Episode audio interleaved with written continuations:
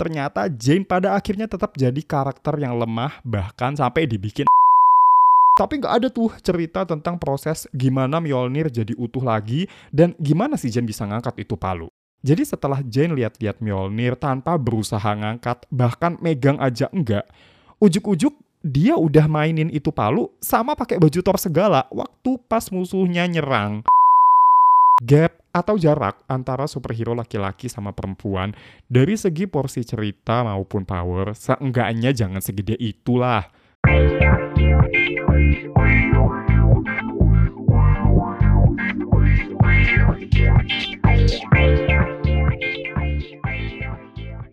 Halo, gue Budi dan lo lagi dengerin podcast Review SJW. Sebuah podcast yang membahas isu sosial dan budaya, juga politik dan lingkungan yang ada dalam film, TV series, dan pop culture lainnya.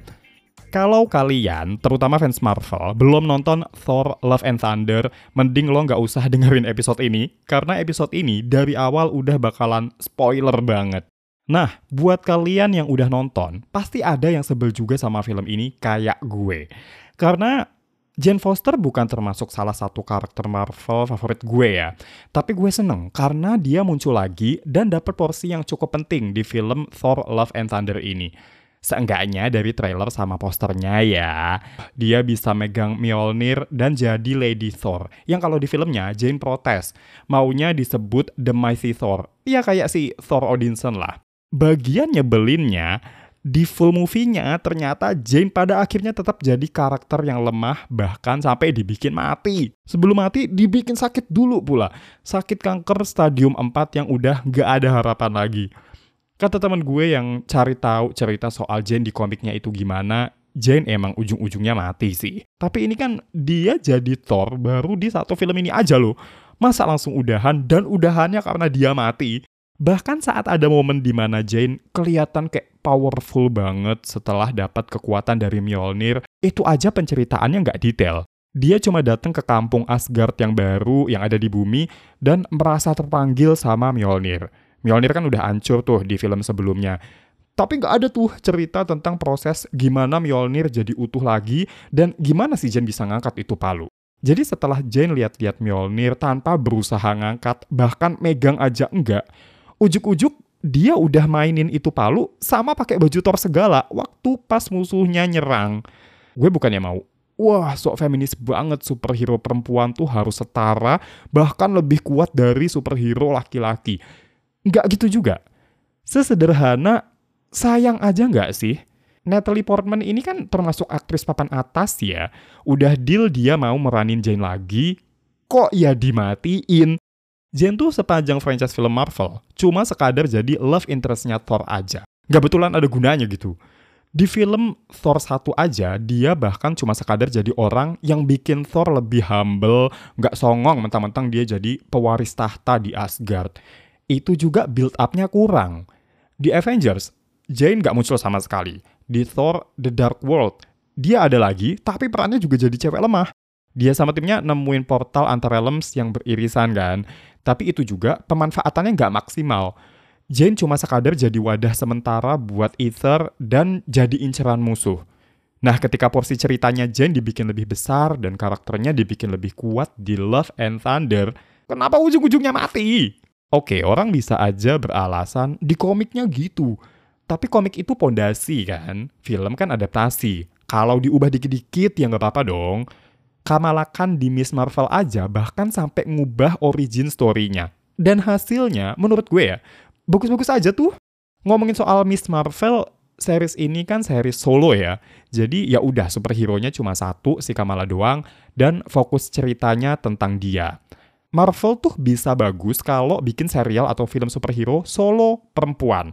Miss Marvel oke, okay, powerful. Ya sama lah kayak film Captain Marvel yang juga oke okay dan karakternya powerful banget. Nah, Captain Marvel ini begitu gabung di Avengers, porsinya juga ternyata dikit banget loh. Oke okay lah, dia karakter baru, tapi dia ngelawan Thanos tuh bentar banget anjir. Belum jadi terkesima sama kekuatannya, tahu-tahu udah gantian lagi yang nyerang Thanos siapa.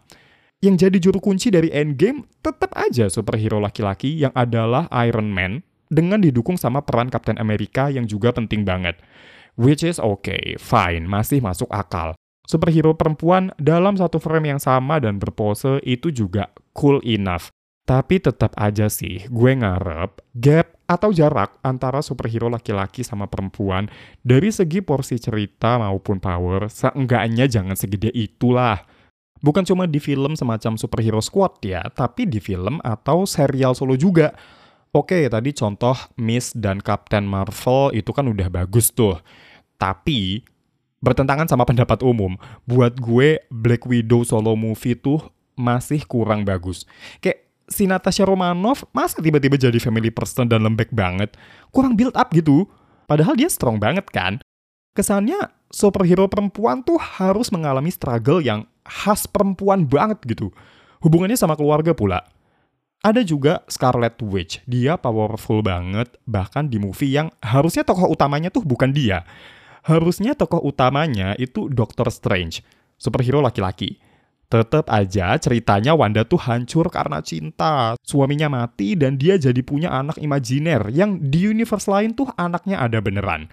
Jadi penggambarannya tuh crazy mom yang ngamuk-ngamuk dan terkesan jadi jahat. Dia bahkan terkesan jadi jahat setelah gabung sama Avengers juga kan. Nah itulah, sekalinya jadi superhero yang wah powerful banget, jatuhnya dia malah terkesan jadi villain alias penjahat. Balik lagi ke Jane, oke okay lah dia mati terus masuk ke Valhalla. Ada scene-nya setelah kredit title. Tapi Valhalla kan alam baka ya jatuhnya. Apa iya Marvel mau mainin Afterlife? Nyambungin sama mereka yang masih hidup? Gimana tuh caranya? Bakalan bagus gak kalau dibikin? Lagian kalaupun dibikin, ya tetap aja di film ini tuh Jane dibikin mati. Sebagai film yang berdiri sendiri, Thor Love and Thunder buat gue masih nggak bagus. Jokes, musiknya, musuh utamanya apalagi, itu masih tetap oke okay sih. Sama bonus buat gue, mata gue dimanjakan oleh visual ototnya Chris Hemsworth yang gede banget. Bahkan ada adegan semi bugilnya pula kan. Tapi tetap aja, selain soal Jane Foster yang mati, dengan dibikin sakit parah dulu, Thor Love and Thunder buat gue gagal memanfaatkan potensi yang dimiliki sama God Butcher sebagai musuh utamanya. Cerita dan terornya dia masih kurang digali gitu. Terus juga battle antara Thor sama Zeus itu cepet banget. Jadi nggak kelihatan kuat-kuatnya itu si Zeus. Tetap menghibur, cuma lemah aja ceritanya. 6,5 dari 10 lah. Oke, okay, demikian review SJW kali ini. Terima kasih udah dengerin. Kalau kalian punya sanggahan, koreksi, atau mau request film apa, atau sekadar mau apresiasi konten gue, yuk bisa yuk mampir ke Instagram at reviewsjw. Kalau kalian suka episode ini, bantu promoin juga lewat instastory kalian ya. Gue Budi pamit, sampai jumpa di episode-episode selanjutnya. Bye-bye!